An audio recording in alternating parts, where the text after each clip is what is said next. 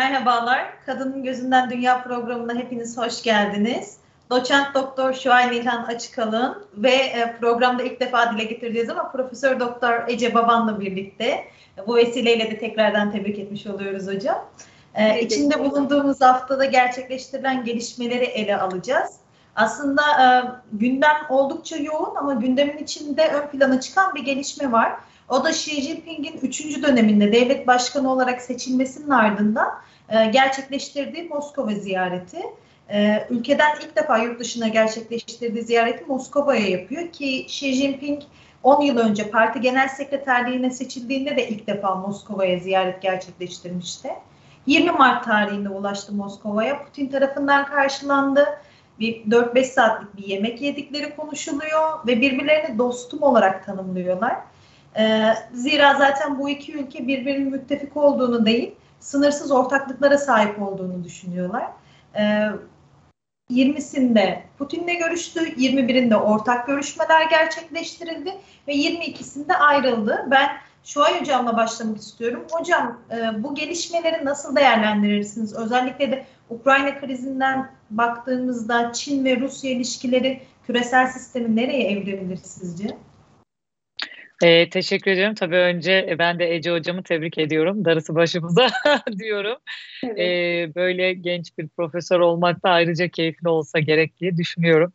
E, tabii ki e, Jinping e, ve Putin görüşmesi aslında e, birçok dünyadaki farklı gündeme rağmen bütün ülkelerin gündemindeydi ve kamuoyu ve basında e, bu ikili görüşmeyi Moskova'da çok yakından takip etti. Tabii e, bu geçtiğimiz haftadaki e, Çin tarafındaki gelişmeler bu e, görüşmeyi daha da anlamlı kıldı. Çünkü e, Putin ve Jinping görüşmesinin ilk gününde e, bence önemli mesajlar vardı. Uzun yıllardır Çin'in dış politikasında e, gördüğümüz bir yaklaşım. Nitekim e, Başkan Putin'in de Ukrayna-Rusya savaşının başladığı bir yıl boyunca sürekli e, söylediği ABD hegemonyasına karşı geliştirdiği bir e, bakış açısıydı. Ama ilk defa Çin, İran ve Suudi Arabistan ara buluculuğuyla çok kutuplu dünya e, yaklaşımında kendisinin de siyasi olarak rol oynayacağının mesajını vermiş oldu.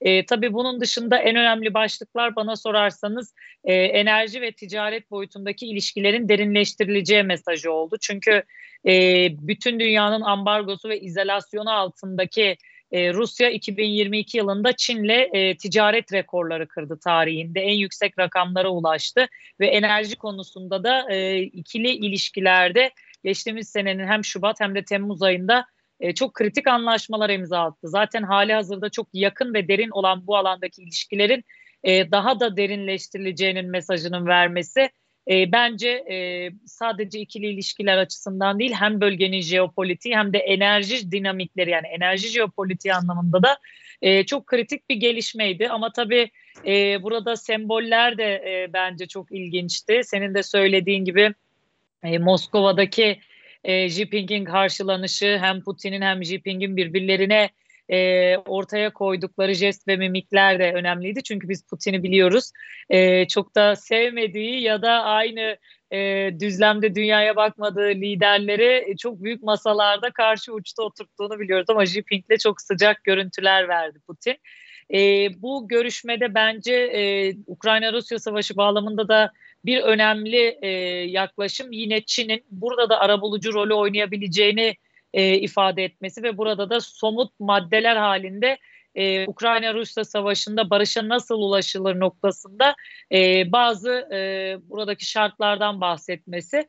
E, bu bence tabii ki şu bir gerçeklik yani Çin'in Ukrayna-Rusya savaşındaki ara buluculuğu diğer uluslararası aktörler tarafından e, çok olumlu karşılanacağını düşünmüyorum ya da e, bu noktada uluslararası camianın Çin'in bu adımını e, sıcak karşılayıp destekleyeceğini düşünmüyorum. E, dolayısıyla e, barışı e, bu noktada getirme noktasında ben Çin'in e, çok da etkili olacağını düşünmüyorum. Ama buradaki önemli olay e, Suudi Arabistan ve İran arabuluculuğundan sonra Çin'in böylesine bir e, konuda da kendisini e, bir siyasi aktör olarak ön plana koymak istemesi.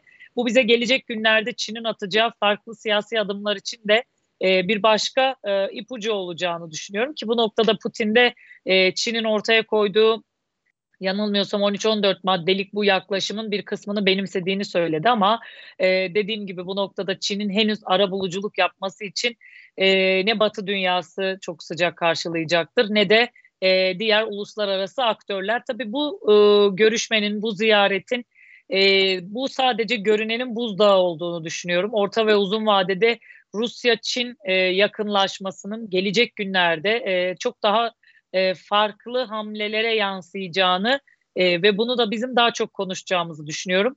E, sadece salt e, soğuk savaş döneminin e, kavramları olan işte bloklaş, bloklaşma, bir doğu batı bloklaşmasının ötesinde Rusya Çin'in çok farklı, e, çok yönlü ilişkiler geliştirdiğini ama Çin'in de tamamen Rusya'nın Ukrayna konusundaki e, veya diğer bölge politikalarını da yüzde yüz desteklediğini e, düşünmediğim bir süreç bu. E, iki ülke muhakkak ABD hegemonyası e, ve bunun yansımalarına kendi coğrafyalarında işbirliği yapacaklardır. Ama e, bu tamamen ki biz e, tarihe baktığımızda da hep e, aynı ideolojide olmasını beklediğimiz, aynı hamleleri yapmasını beklediğimiz Rusya Çin'in e, zaman zaman farklı eğilimlerini de gördük. Gelecek dönemin çok daha yeni dinamiklerle bu iki ülkenin ilişkisini belirleyeceğini ama bu iki ülkenin ilişkisinin hem e, bölgesel hem de küresel yansımalarının çok daha farklı olacağını düşünüyorum. Teşekkür ederiz hocam. Ee, cümlenizin içinde, anlattıklarınız içinde o sembolizm vurgusu çok önemliydi bence. Gerçekten de iki lider görüşmeden önce birbirlerine resmen böyle bir karşılaş, karşılıklı mektup yazdılar. E, iki ülkenin resmi devlet e, internet sitelerinde yayınlandı bu mektup ve ayna analiziyle aslında iki liderin de benzer kavramları kullanarak birbirlerini tamamladığı görülüyordu. Nitekim e, Çin bu e, ziyaretinin öncesinde sizin de belirttiğiniz gibi 12 maddelik Ukrayna e, sorunun çözümüne yönelik öneriler listesi yayınladı. Ziyaretinin gecesinde de ABD demokrasisini eleştiren bir rapor yayınladı. Ece Hocam aslında size buradan biraz daha yönelmek istiyorum. Yani yeni görünen o ki Çin ve Rusya aslında bir öncü olmak istiyor ve bu dünya düzenini kuran taraflardan olmak istiyor. E, bu iki ülkenin yeni dünya düzenindeki böyle bir düzen var mı e, sizce? Bunu görüşünüzü alabilirim.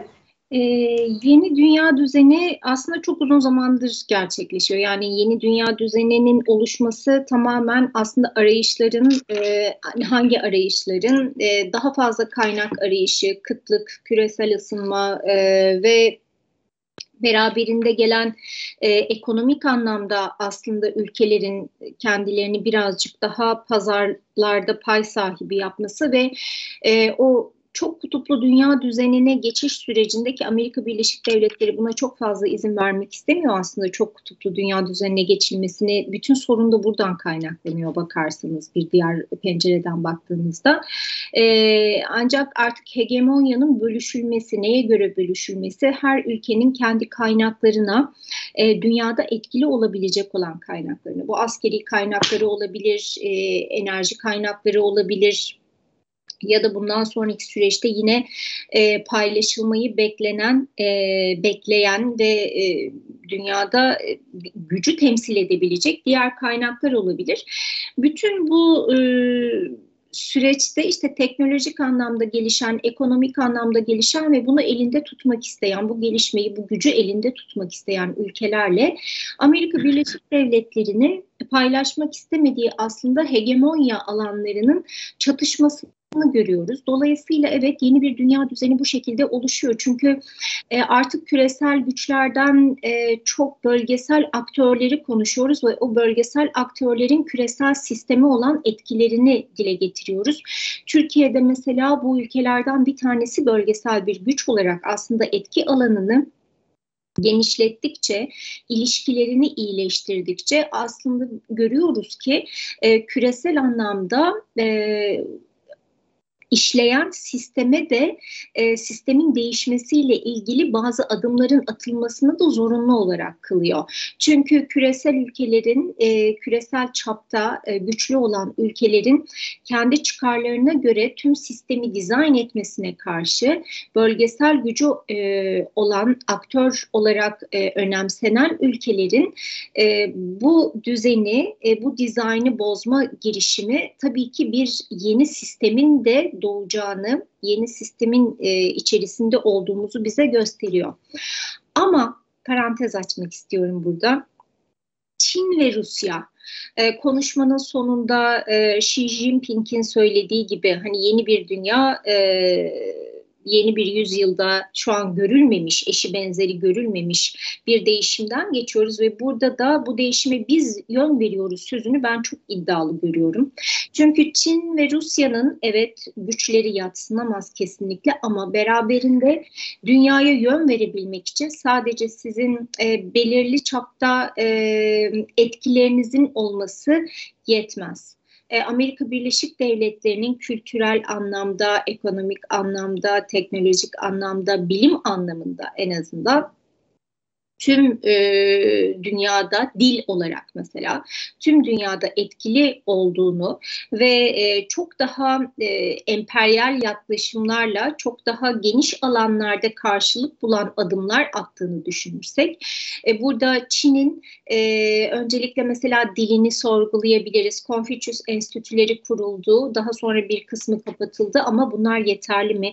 Kültürünü sorgulayabiliriz. Amerikan kültürü dünyada e, neredeyse egemen olmuş yani birçok yeri etkilemiş olan bir kültürdür. Baktığımız zaman e, Amerikan rüyasından bahsederiz mesela.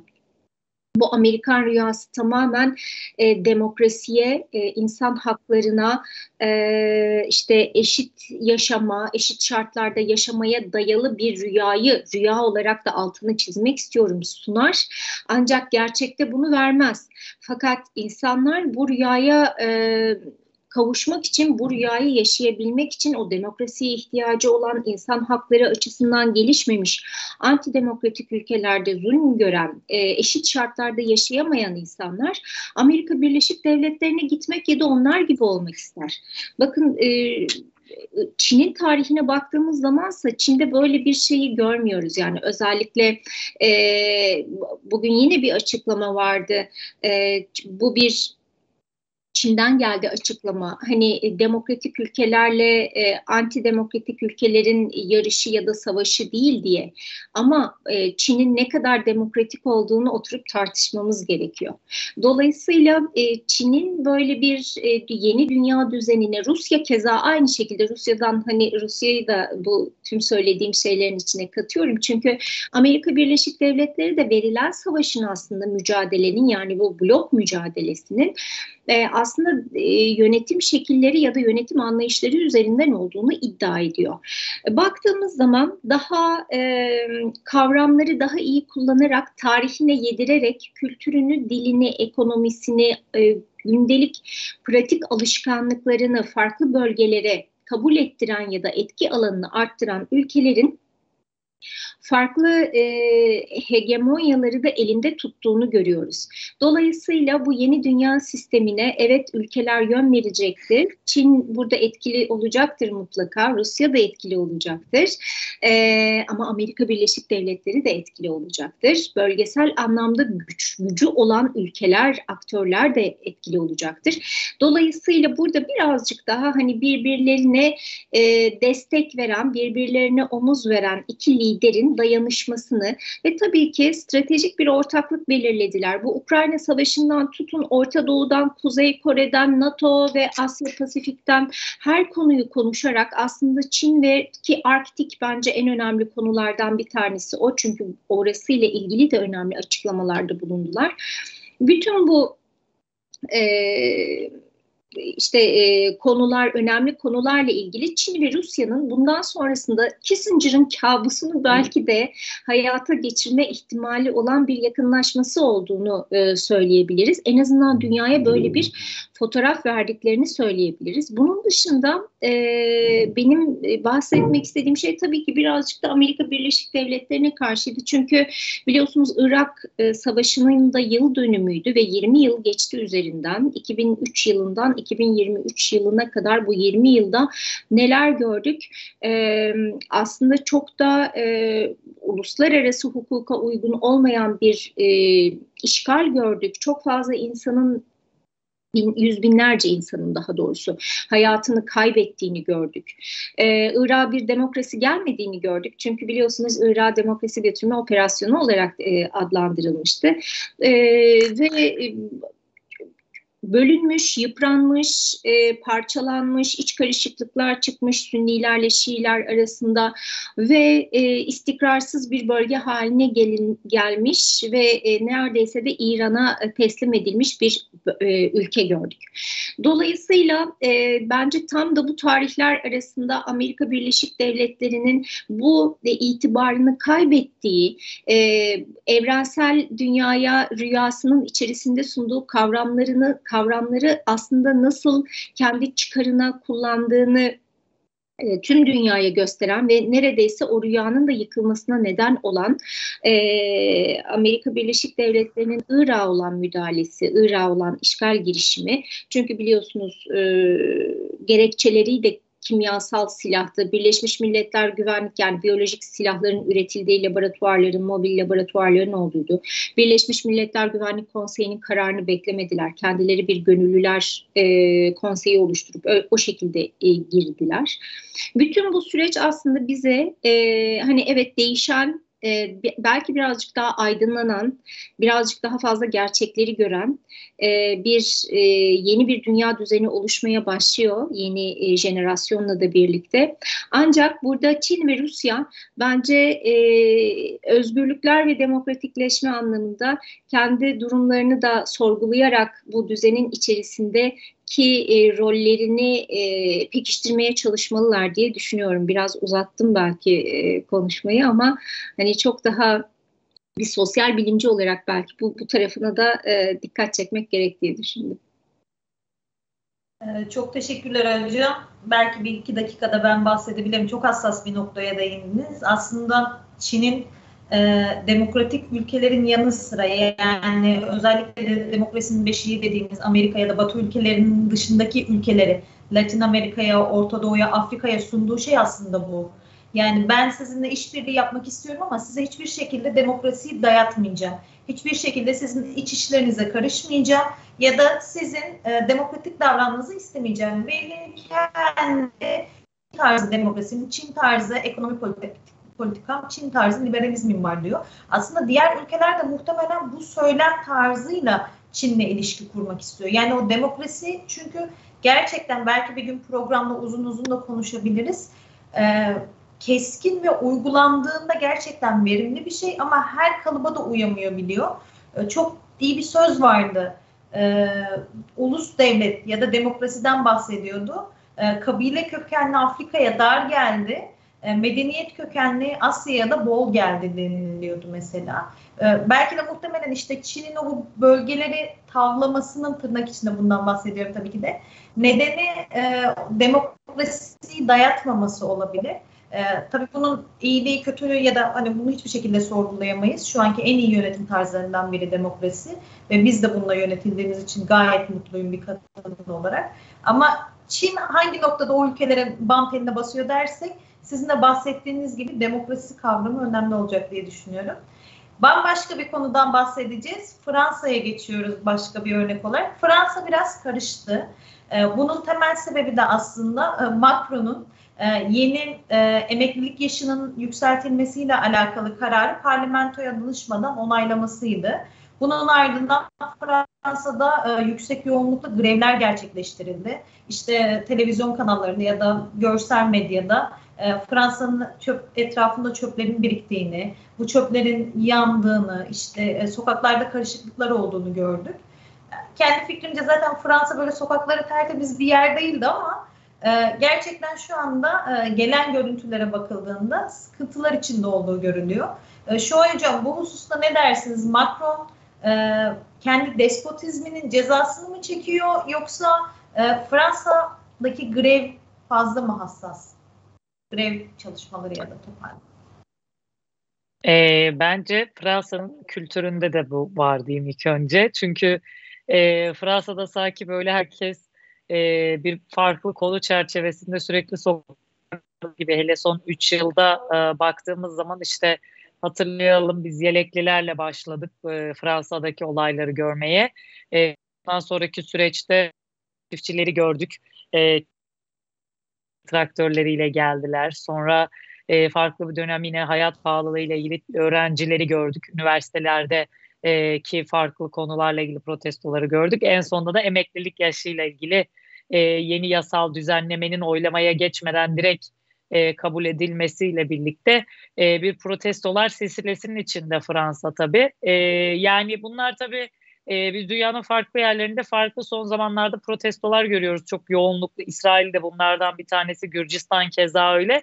Ama burada Fransa e, açısından benim özellikle üstünde durmak istediğim e, bu protestolar içerisindeki hem ortaya çıkan ilginç görüntüler hem de e, Fransa'daki polis şiddeti. Çünkü e, Fransa e, maalesef sürekli e, konu geldiğinde veya gelmediğinde Türkiye'ye hem AB üyelik süreci üzerinden hem de birçok konu üzerinden çok ciddi e, ithamlarda bulunan zaman zaman da e, bana sorarsanız haddini aşarak e, farklı e, söylemlerde bulunan bir ülke hem siyasetçi seviyesinde hem de kamuoyu seviyesinde. E, önceki yelekliler protestolarında da hatırlayalım e, çok ciddi bir polis şiddetine tanıklık etmişti dünya. Hatta e, bunu e, dünyaya, e, basına e, ve kamuoyuna veren e, önemli paylaşımların birçoğundaki fotoğraflardan Anadolu Ajansı'na aitti. Şimdi böyle baktığınız zaman galiba Fransa kendisi kendi söylemleriyle imtihan oluyor diyeceğim ama bunu önceki dönemlerde de çok yaşadık. Fransa'daki protestolar tabii ki ben bir süre daha devam edeceğini düşünüyorum. Çünkü bu noktada atılmış çok fazla bir adım yok. Fransa çok uzun zamandır bana sorarsanız e, protestolar e, fırtınası zincirinin içerisinde.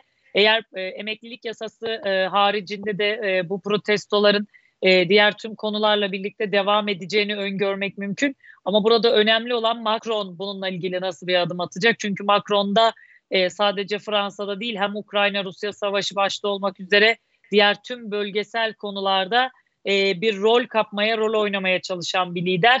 E, içerideki e, bu süreçleri yönetemeyen bir Macron hem Avrupa Birliği e, nezdinde hem de diğer e, ülkeler nezdinde ne kadar etkili bir lider olabilecek.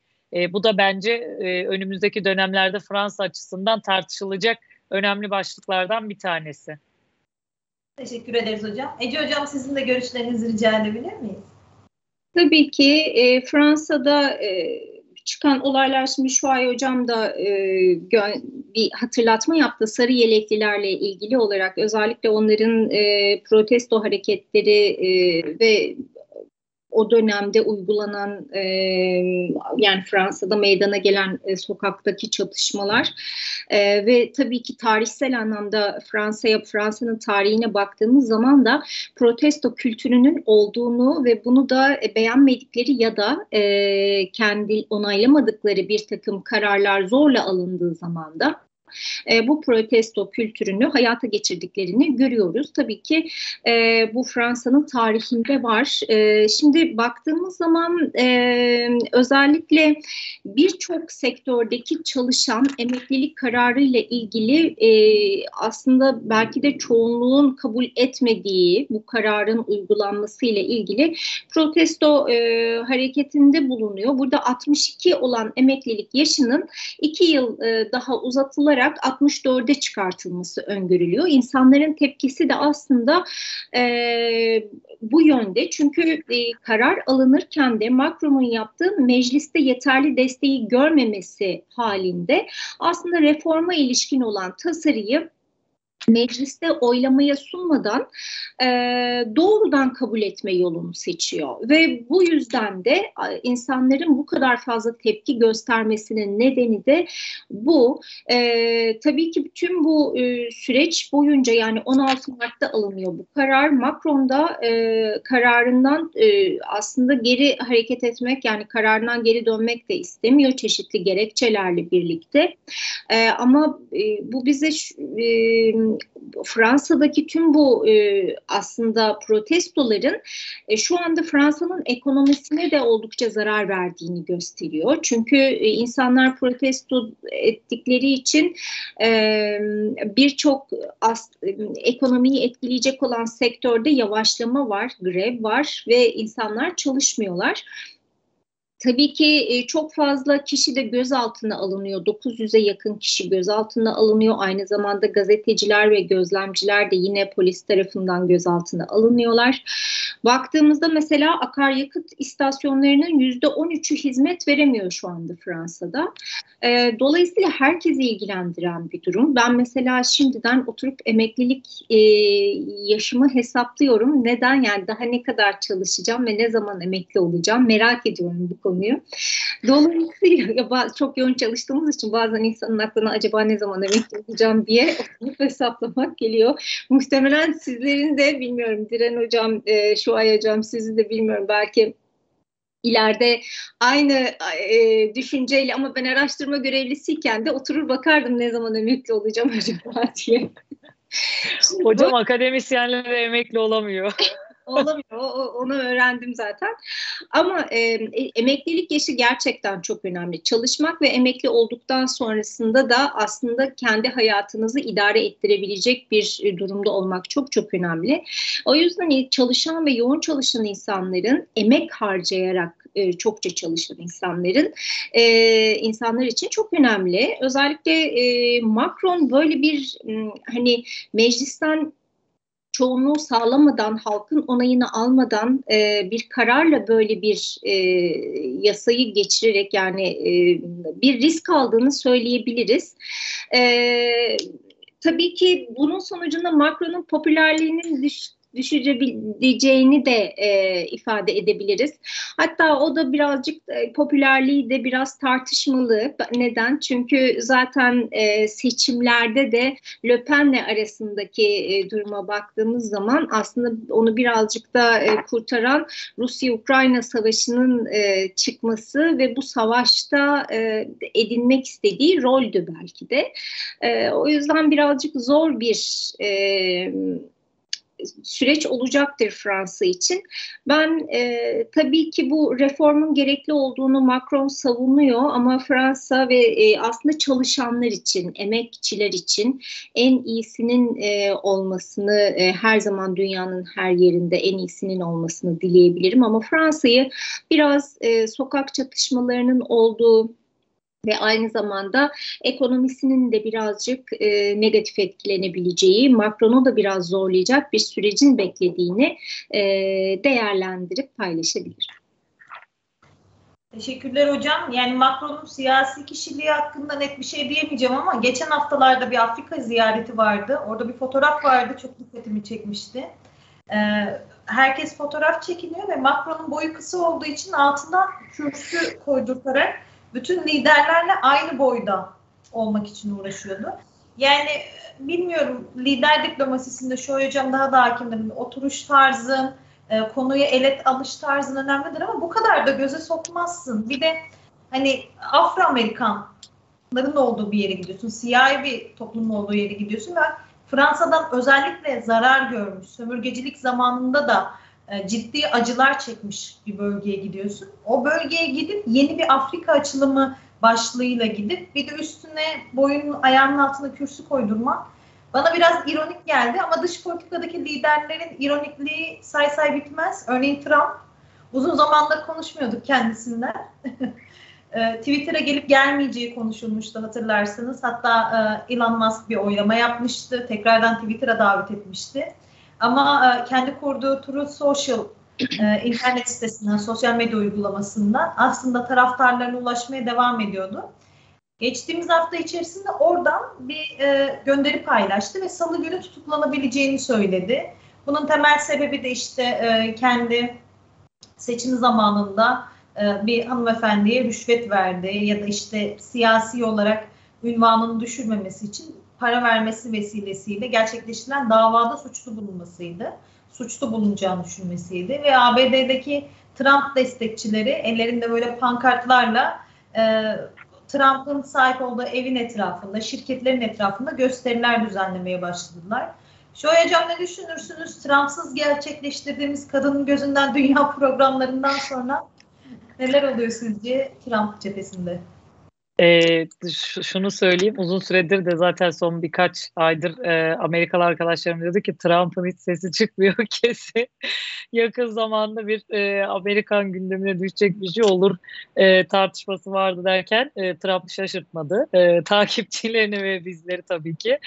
E, yani aslında tabii Trump'ın attığı yani verdiği e, online'dan yazdığı bu mesaj sonrası e, Amerikan kamuoyunda da hani bir şekilde iki farklı reaksiyon oluştu. Bir Trump takipçileri çok ciddi bir e, bu noktada Trump'a desteği olduğunu hala ifade etti. Hatta e, bu de yani sosyal medya üzerinden o kadar çok e, alevlendi ki bu konu New York polisi e, önlem aldı. Hem dış eyaletlerden polisler çağrıldı hem de e, şehrin belli yerlerinde e, giriş çıkışların e, kapatıldığı görüntüleri de bize ulaştı. E, Trump'ın tabii bu noktada takipçilerini çok e, dinamik tuttuğunu da söylemek lazım. Yani liderlik çalışan birisi olarak Trump e, ilginç bir şekilde e, kendisini destekleyenlerle böyle farklı bir iletişim kanalı oluşturmuş durumda.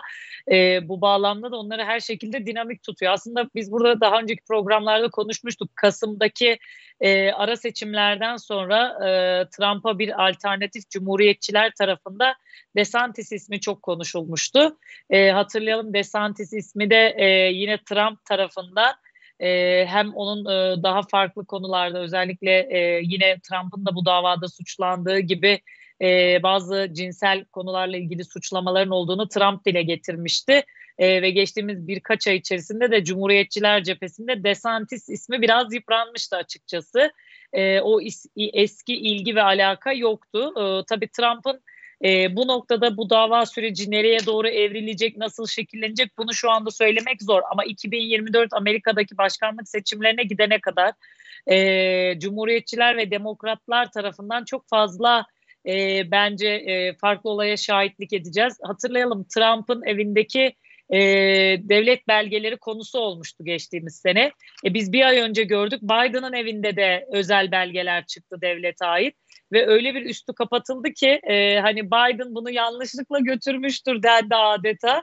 Hatta biraz da e, o çok dalga geçiler sağlığı bahane edildi. Hani başkan unutuyor e, bu belgeleri herhalde yanlışlıkla götürdü dendi. Yani o zaman Trump niye bu kadar linçlendi bu belgeler için? E, tüm bunları yan yana koyduğumuzda e, Trump'ın işte e, bu davaların hepsi hukukun dışında siyasi bir davadır. Amaç beni linç etmektir yaklaşımının da e, gerçekçi bir boyutu olduğunu insan düşünüyor yan yana konduğu zaman ama e, ben şöyle düşünüyorum. E, Trump hala cumhuriyetçiler içerisindeki en güçlü aday. E, Trump'ın en güçlü aday olmasıyla beraber e, demokratlar hala bir aday alternatifi üretememiş durumda. E, belki e, Trump'tan e, yani tabii ki bununla ilgili ama Kamala Harris'in e, Şubat ayında Münih Güvenlik Konferansı'nda yaptığı e, konuşmanın e, kamuoyuna yani Amerikan kamuoyuna da yansıması, konuşmanın kötülüğü, orada söylediği şeylerin anlamsızlığı bir Amerika'nın başkan yardımcısı olarak bence demokratlar için e, hayal kırıklığının ötesindeydi. Dolayısıyla demokratların elinde şu anda e, fiziki ve mental sağlığından şüphe duyulan bir Biden, e, dünya politikalarıyla adeta dalga geçen, e, Amerika'nın hiç görmediği bir gayri ciddilikte e, süreci sürdüren bir başkan yardımcısı Kamala Harris var. E, bir de kitabı çok sattı diye aday yapabiliriz denilen bir Michelle Obama First Lady var. E, dolayısıyla biz daha 2024 seçimlerine gidene kadar e, hem Trump merkezli hem de e, birçok bağlamda Amerika'yı konuşacağız gibi. Teşekkür ederiz hocam. Ece hocam sizin görüşlerinizi rica edebilir miyim? Ee, tabii ben şimdi e, şu hocamın söylediklerine ek olarak şunları ekleyebilirim belki. Biliyorsunuz e, Donald Trump'ın sizinle bahsettiğiniz gibi e, 130 bin dolarlık sus payı ödemesiyle ilgili bir soruşturma var. Ve bu soruşturma e, işte Trump'ın tutuklanabileceğini söylemesi ve sonrasında aslında bütün gündemin Trump tutuklanıyor mu acaba? Çünkü o zaman e, tutuklanan ilk e, eski Amerikan başkanı olacak ve Trump'ın zaten e, aldığı kararlar kendi dönemindeki e, yöneticilik vasıflarıyla tarihe geçebileceğini, Amerikan tarihine en azından e, geçebileceğini söyleyebiliriz ama beraberinde şunlar oldu. Sosyal medyada bazı görüntüler ortaya çıktı. Bu görüntülerde e, deepfake ile e, oluşturulmuş olan görüntülerdi ve e, gerçekten bazı fotoğraflar yayınlandı. Trump'ın işte polisler e, New York Polis Teşkilatı Trump'ı e, almış götürüyor. İşte onu sürüklemeye çalışırken ya da e, Trump polise karşı direnirken e, çok da gerçekçi fotoğraflarda oluşturulan fotoğraflar.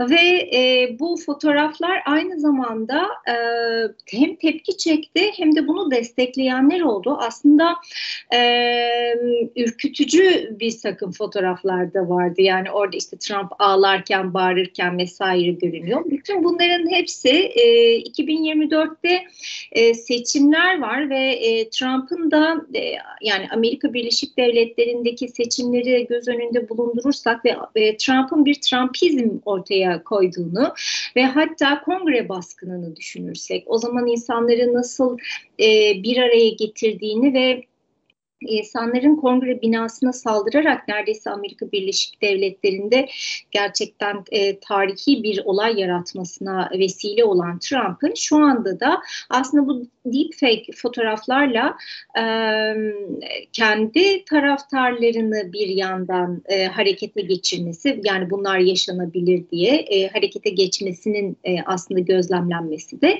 önemli.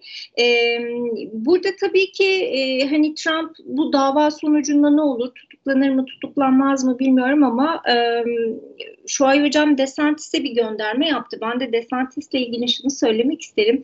Özellikle e, yaptığı son açıklamalarda çokça eleştirildi. Çünkü Rusya-Ukrayna savaşı ile ilgili aslında bu savaşı bir toprak anlaşmazlığı olarak ifade etti ve Ukrayna'nın e, Amerika Birleşik Devletleri için çok önemli olmadığını söyledi.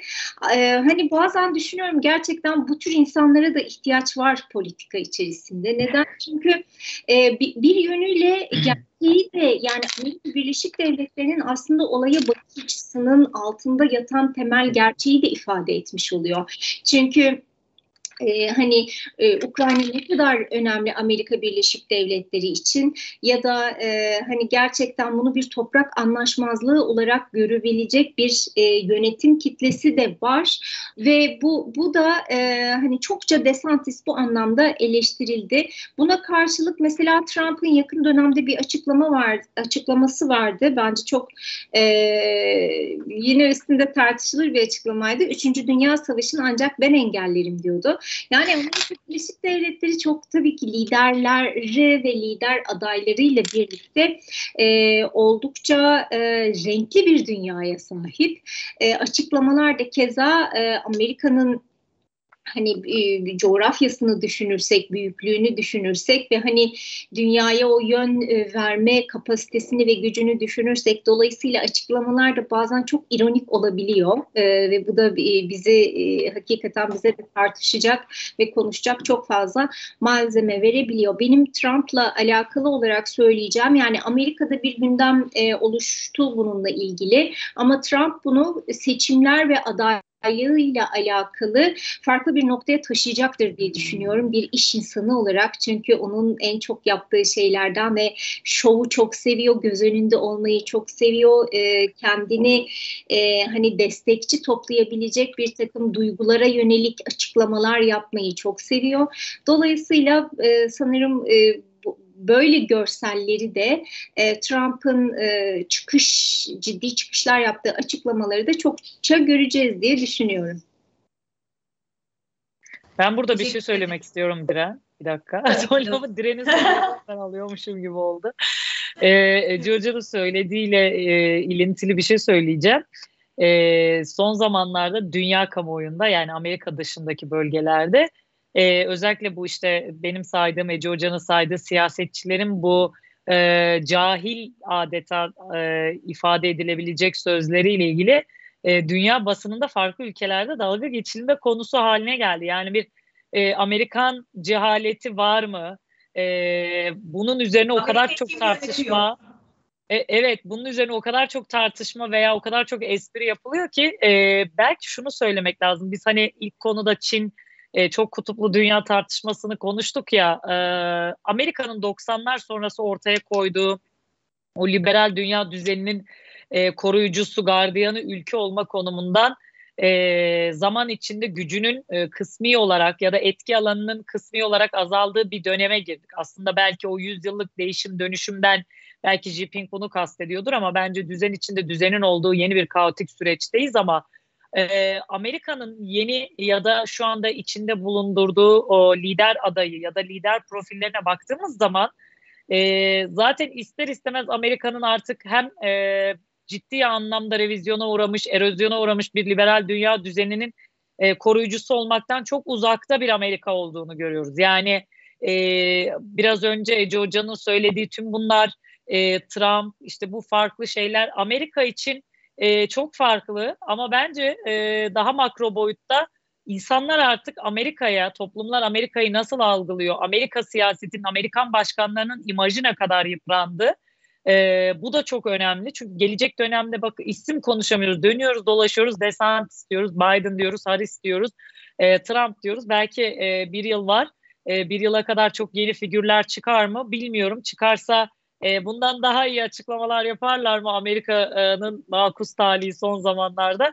Beraber göreceğiz.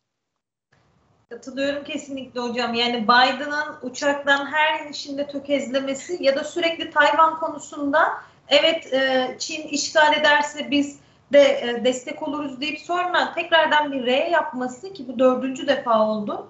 Yani gerçekten bilişsel olarak da ABD'nin başında kim olduğunu sorgulatıyor ya da ABD'yi kim yönetiyor diye. Ee, sanırım bu konuları daha böyle seçim yaklaştıkça daha çok tartışacağız. Ee, bu haftalık Kadının Gözünden Dünya'dan bu kadar. Ee, bir sonraki programımızda görüşmek üzere. Hepinize iyi haftalar diliyoruz.